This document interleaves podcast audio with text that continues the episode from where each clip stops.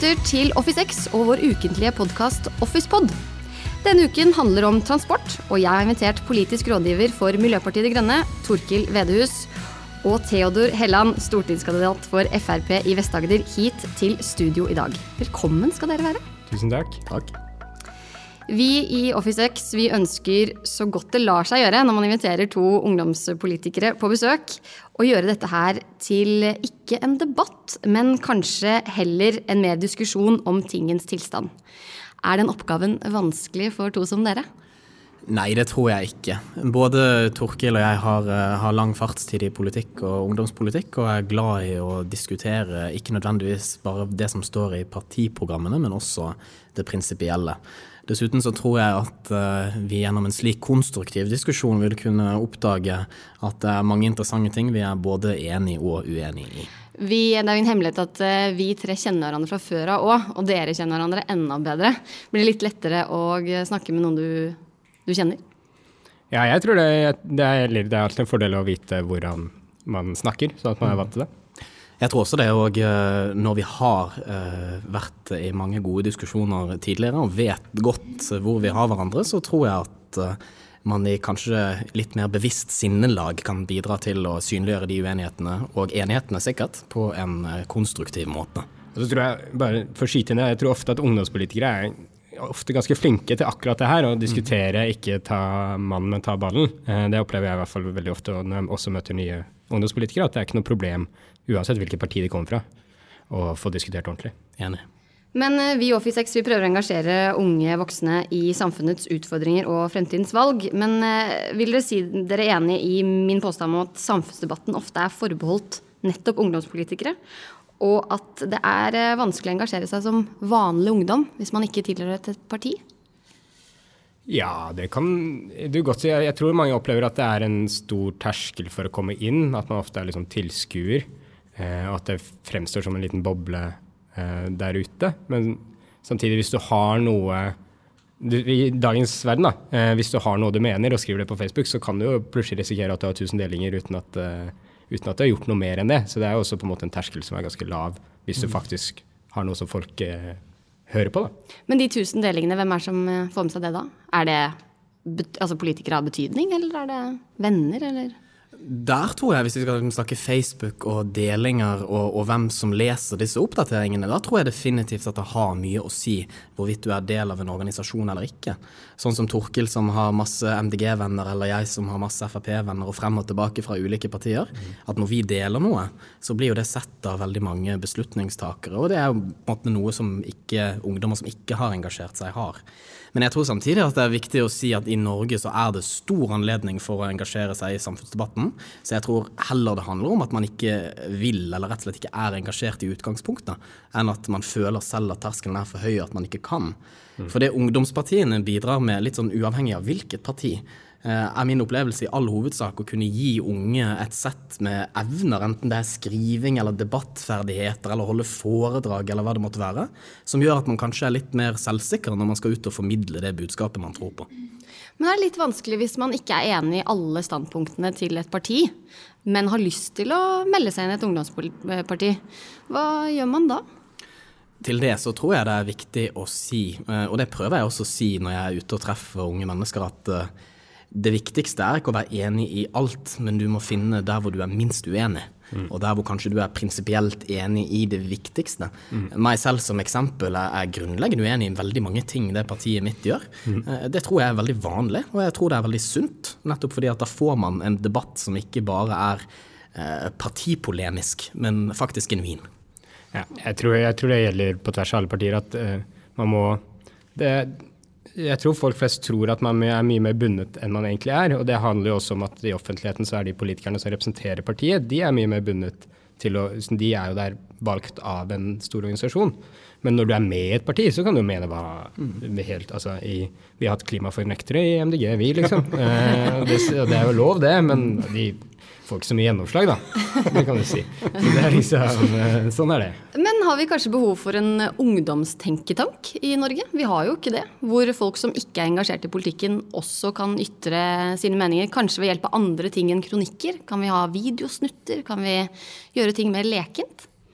Jeg tror Man kan godt eh, tenke seg en tenketank, eller det er litt sånn eh, typisk at man kaller det tenketank, da, men det, eh, at man har enda flere arenaer hvor ungdom lett kan komme til.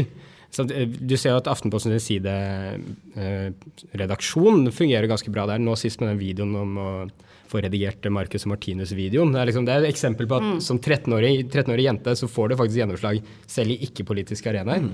Og i den saken så, så jeg at det var veldig mange politikere som kasta seg på fordi de så dette vekker engasjement. Eh, men det, mer av det tror jeg er veldig viktig for at ungdom skal føle seg at det er relevant. Da. Nå ser jeg jo at folk liker jo også å diskutere politikk i de sosiale mediene som, er, som dukker opp, da, som på Jodel, eh, som er min favoritt-sosiale mediekanal nå. fordi der slipper jeg å ha sånn boble, Facebook-boble. Der ser jeg bare hva alle mener. Det er veldig rå meninger. Der er det jo ganske ofte politiske ytringer som ja, også er uvant for meg, da, så det er jo deilig å se at det, eh, man kan treffe andre meninger. Mm. Vi skal gå over til tema, som er transport denne uken.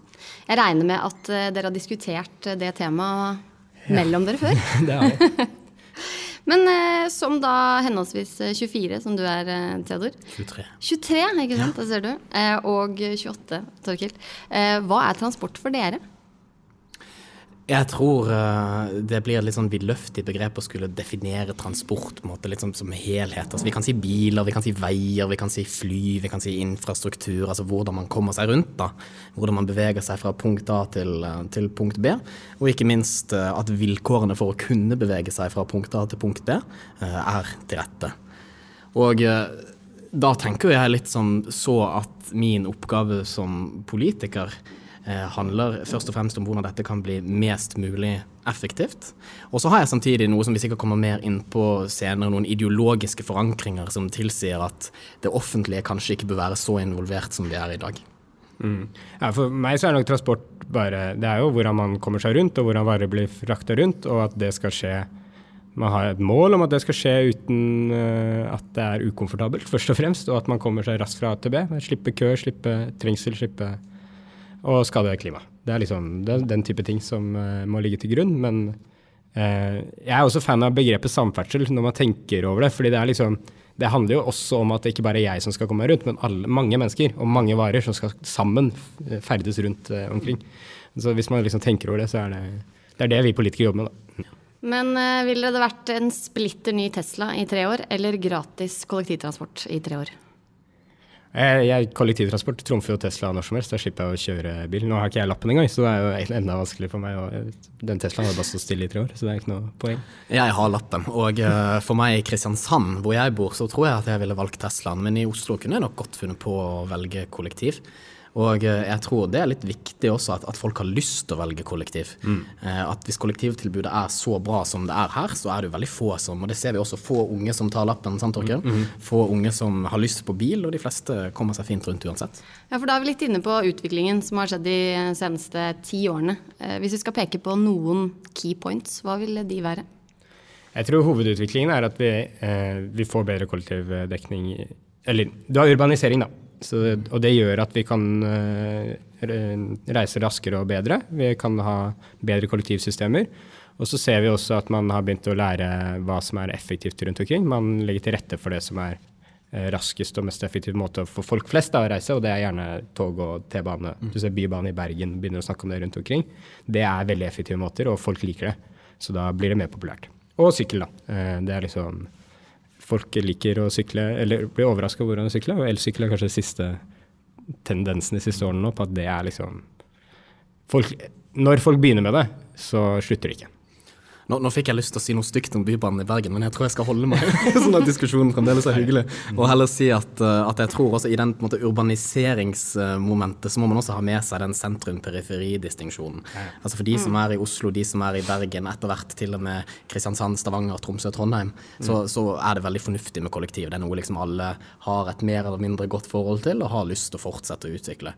Men hvis du kommer liksom bare litt utenfor, og at da veldig mange av disse sitter og føler på den urettferdigheten av at alle skal ha så god kollektivtransport, men så får ikke de det, så, så blir det litt sånn, litt sånn vanskelig. Og det tror jeg veldig mange av, i hvert fall mine velgere, eh, reagerer på at eh, samtidig som at det investeres milliardbeløp i å utvikle kollektivtransport i de store byene, så er det ofte de som må sitte med regninger og føler at de ikke får så veldig mye igjen for det. Så jeg tror at ja, man skal satse på kollektiv, det er viktig, det er bra, men samtidig så må man ikke glemme dem som ikke får ta del i dette kollektivprosjektet. Ja. Jeg, tror Den største utviklingen er jo eh, at det er ingen som liker å stå i kø. Mm. så det er, liksom, det er det som er den største driveren i samferdselspolitikken, tror jeg, er eh, kø og ulykker eh, på bil. Og det ser vi også fortsatt. Altså, selv om vi kan snakke mye om hva som skjer i byene, så er det det, er det, som driver liksom, hva man diskuterer politisk. Da.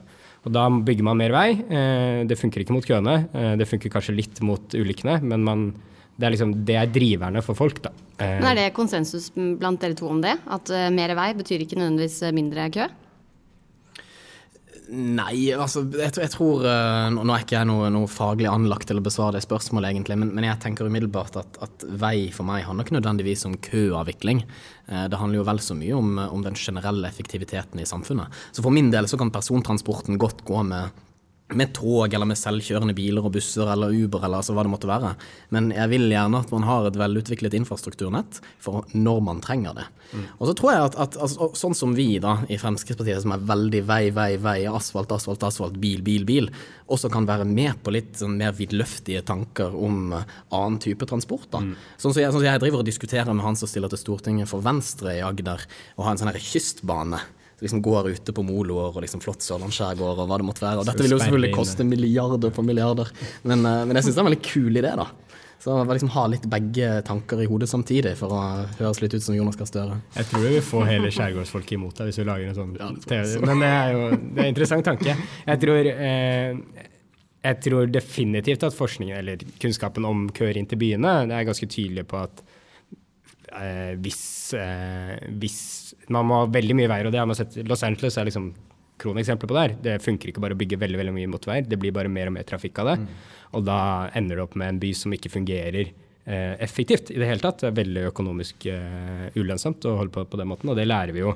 Og så tror jeg nok ny teknologi vil hjelpe på de, de køene som finnes, men det vi vet er jo liksom at markeder fungerer, og vi må prise inn de kostnadene som kø har bedre. Det er det som fungerer, og da er liksom rushtidsprising, den type ting, viktig å gjøre sånn at det er bedre og billigere å velge mer effektive transportmidler, da, som både sykkel og kollektivvei. I, I den forbindelse, for å, for å begynne litt på det ideologiske, så tenker jeg sånn en grunnleggende misantakelse folk har, er at vei og tog og hva det måtte være, er et offentlig gode. At offentlige goder, altså Definisjonen på det er litt sånn som brosteinen utenfor vinduet her. ikke sant? At uavhengig av hvor mange som bruker det, så blir det ikke noe mer eller mindre i kvalitet. ikke sant? Men sånn er det faktisk ikke for vei. Og derfor burde vei, og tog for den saks skyld, være private goder. Og jeg ser for meg at dersom man f.eks. Mange, mange store europeiske land, og ikke minst USA, har også begynt med dette. At parallelt med de offentlige veiene, så tillater man private utbyggere å bygge så mye vei de bare orker. Og her er det jo altså en, en, en bomfinansiering, ikke sant. Og da kan du velge hvorvidt du har lyst til å bruke den fine private veien, eller den mer eller mindre fine offentlige veien. Men ja, da, altså, Du har jo ikke uendelig med areal, liksom, så det er jo det er en vurdering det offentlige må Eller som vi sammen må ta, da. Hva er det vi skal bruke plassen vår på? tenker jeg da. Og spesielt i Norge så ser vi jo at disse veiene betyr jo at man må ta areal fra andre formål. Som både dyrking av mat og naturverdier, men også liksom boliger og Så hva er den største, den største positive effekten man får ved eventuelt å sette det bort til privat sektor?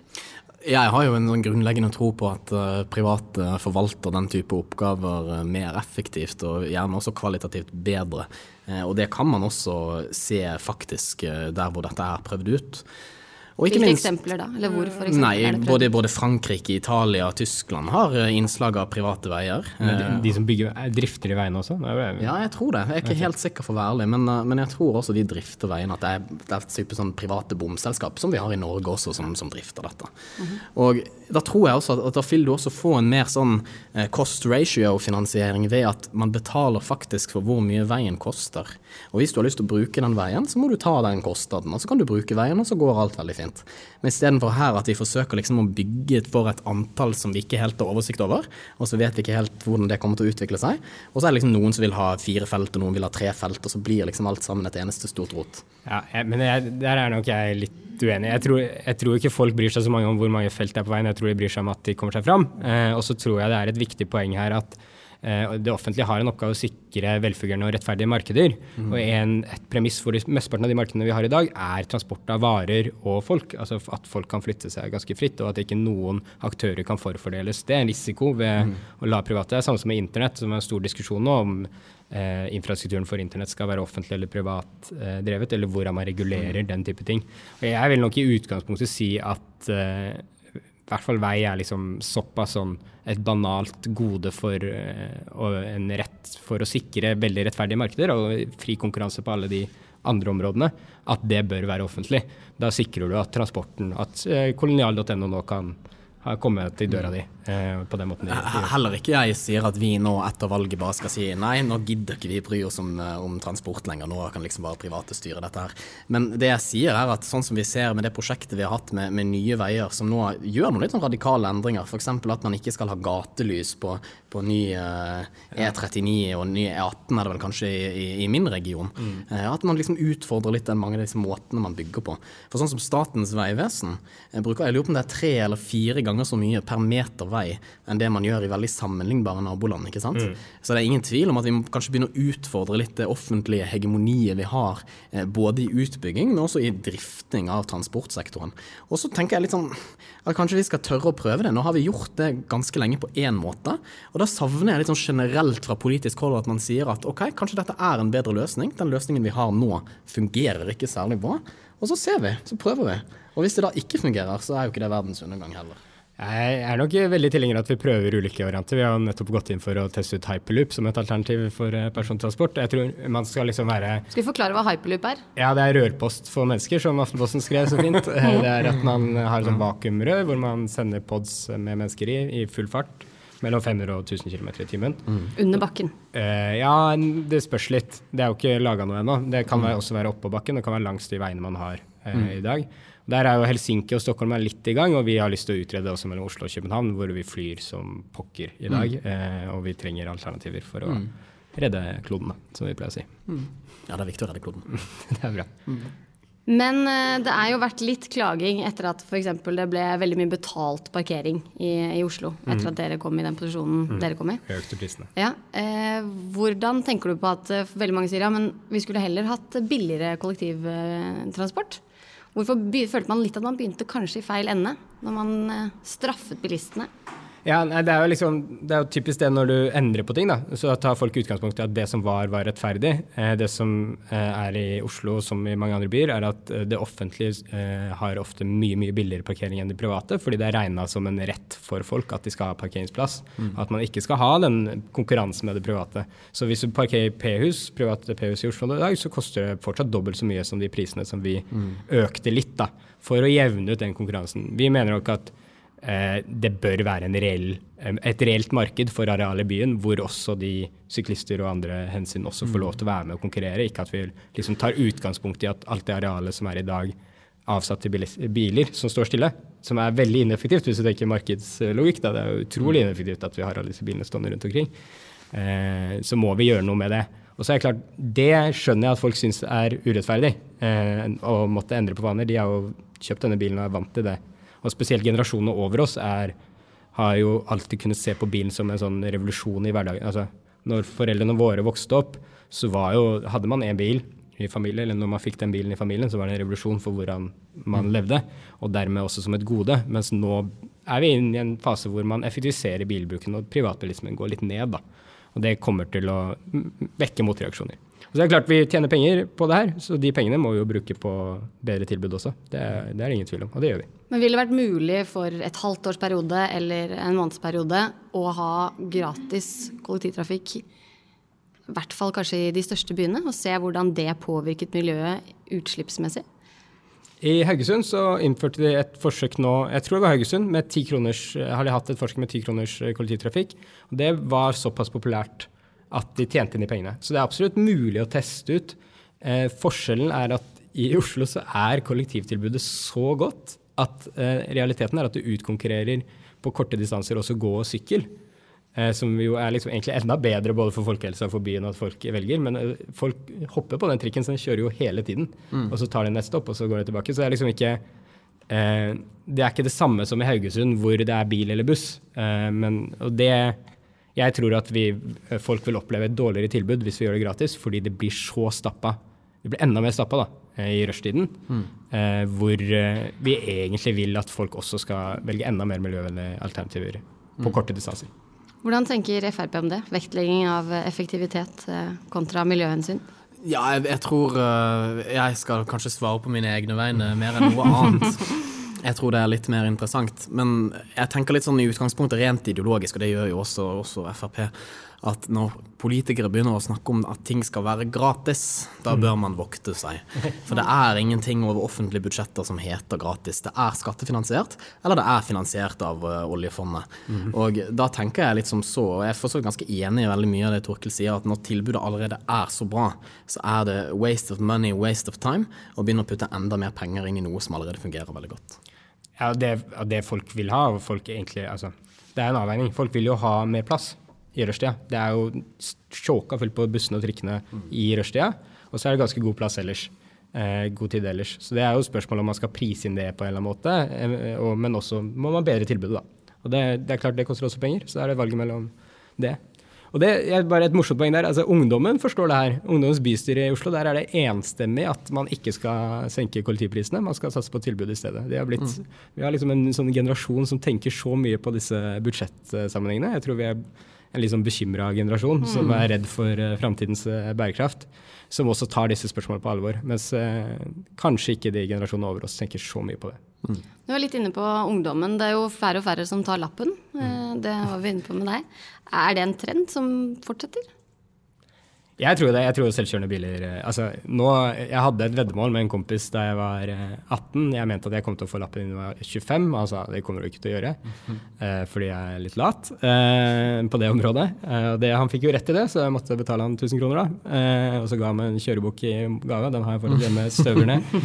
Og nå er jo egentlig min bedt nesten at jeg ikke kommer til å trenge det, fordi teknologien utvikler Vi har selvkjørende biler på motorveier i dag. Teslaene kan kjøre av seg selv. Eh, du har ansvar som sjåfør, eh, men det er, liksom, det er jo bare, det er bare, et spørsmål om tid før jeg opplever at transportbehovet nesten er løst. Eh, mm. Og da er det jo om jeg skal bruke 30 000 kroner på å skaffe meg den, det sertifikatet, og så bruke det i fem år, eller om jeg klarer å vente de fem årene, er liksom mm. opp til meg.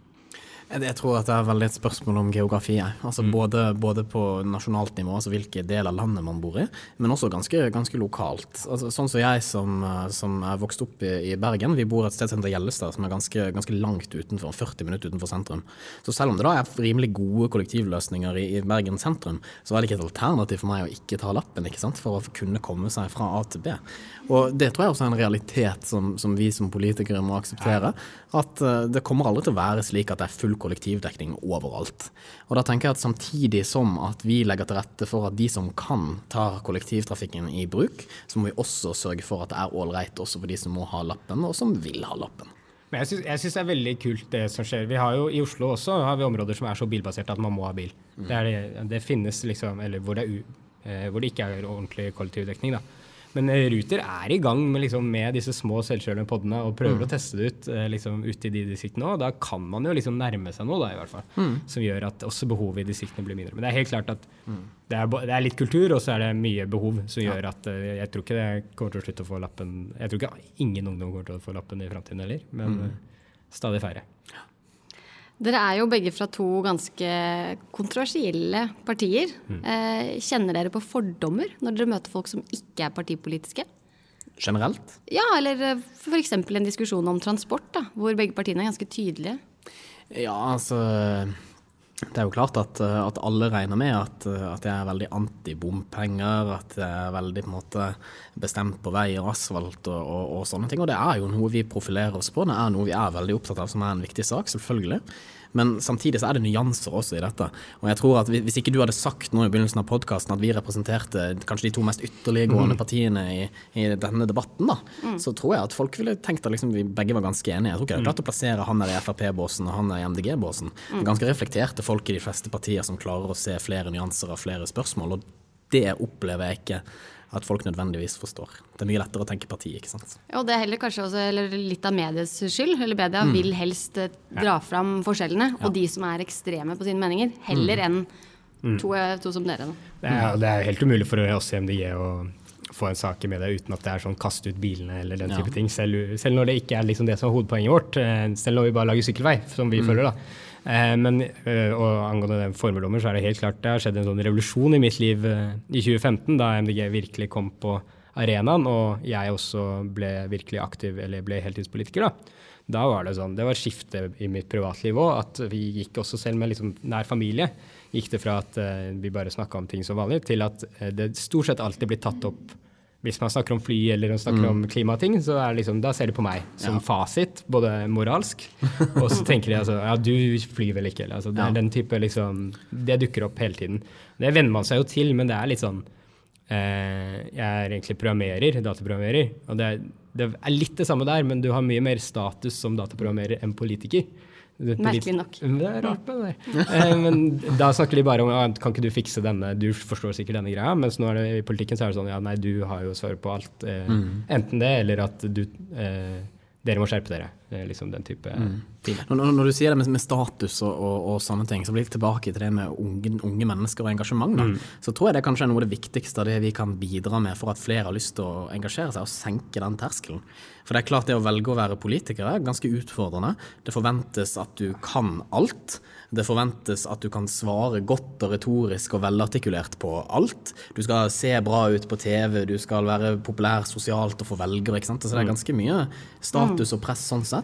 Og det at vi kan f.eks. si til unge mennesker som har lyst til å være med og debattere og liksom være med på å ufarliggjøre det litt, da, så mm. tror jeg at det er veldig mange flere som vil ha lyst til å være med og, og bidra og engasjere seg i debatter. Det er helt klart, det er, akkurat det der er jo noe av det mest sånn jeg blir stadig overraska over hvor mye press det er, spesielt på ungdomspolitikere, og kanskje spesielt på kvinner. da. Eh, ja. Er det jo også mye sånn hat som dukker opp lett eh, når de uttaler seg, som de får feedback på. og Det er, liksom, det er vanskelig å sette seg inn i hvor, hvor kjipt det kan være. Eh, men det må man liksom, det må man, vi må senke de tersklene. Det tror jeg er helt, mm. helt klart. Hvis eh, dere begge skal se for dere det perfekte transportscenario om mm. Eh, ti år, Ser det forskjellig ut fra deres uh, ulike ståsted? Jeg, jeg kunne jo tenke meg at uh, mer gjøres uh, frivillig, mer gjøres privat. Mindre politisk regi, mindre subsidiering. Mindre offentlig regulering. Jeg kunne tenke meg å legge ned Statens vegvesen, helst i morgen, og erstatte det med en helt privat løsning. Og jeg kunne tenke meg å invitere andre aktører, gjerne fra andre land, Eh, til å bygge og investere vei i Norge, og jernbane også for den saks skyld. Og ikke fordi vi vil det, men fordi det er lønnsomt. Mm. Ren markedskapitalisme i transportsektoren, det hadde vært noe. Sant, ja, da tror jeg det har fått uh, alle distriktene imot deg, så de har måttet betale veldig mye penger for subsidiene. Men uh, altså, en ting er nok jeg og Theodor ganske enige om her, og det er liksom at vi må nok se for oss at vi organiserer oss ganske annerledes. Det er litt rart, syns jeg, at uh, Vegvesen, Avinor, uh, altså fly og jernbane er liksom helt separate båser. Det handler om det samme. Vi skal komme oss fra A til B. Det kommer nye teknologier, ting endrer mm. seg. Jeg tror vi må se det mye mer samla, og så må vi få slutt på at Vegvesen handler om bil. Eh, mm, og altså, Vi må liksom se mer teknologinøytralt. og det er også, For oss er det et stort problem i dag at Vegvesenet er så opptatt av eh, bil, og ikke om alle de andre tingene som veiene kan brukes til også. Ja. Byutvikling og sykkel. Mm. Jeg tror vi rett og slett skal eh, la det være siste ord. Tusen takk for at dere ville komme hit til oss i dag. Tusen takk for at dere hørte på der hjemme, og hør gjerne på neste episode og neste episode der igjen. Vi snakkes!